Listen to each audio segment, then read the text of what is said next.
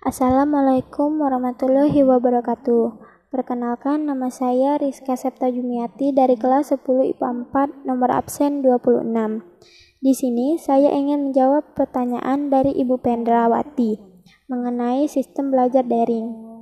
Menurut saya, sistem pembelajaran secara daring tidaklah efektif karena materi atau pembelajaran yang diberikan oleh Bapak Ibu guru tidak bisa dimengerti tanpa dijelaskan secara langsung.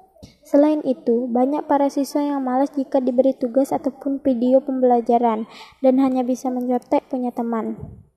Dan juga di luar sana banyak orang yang tidak mampu atau tidak bisa membeli kuota. Adapun di luar sana yang tidak bisa membeli HP dan harus berjuang terlebih dahulu untuk mendapatkannya.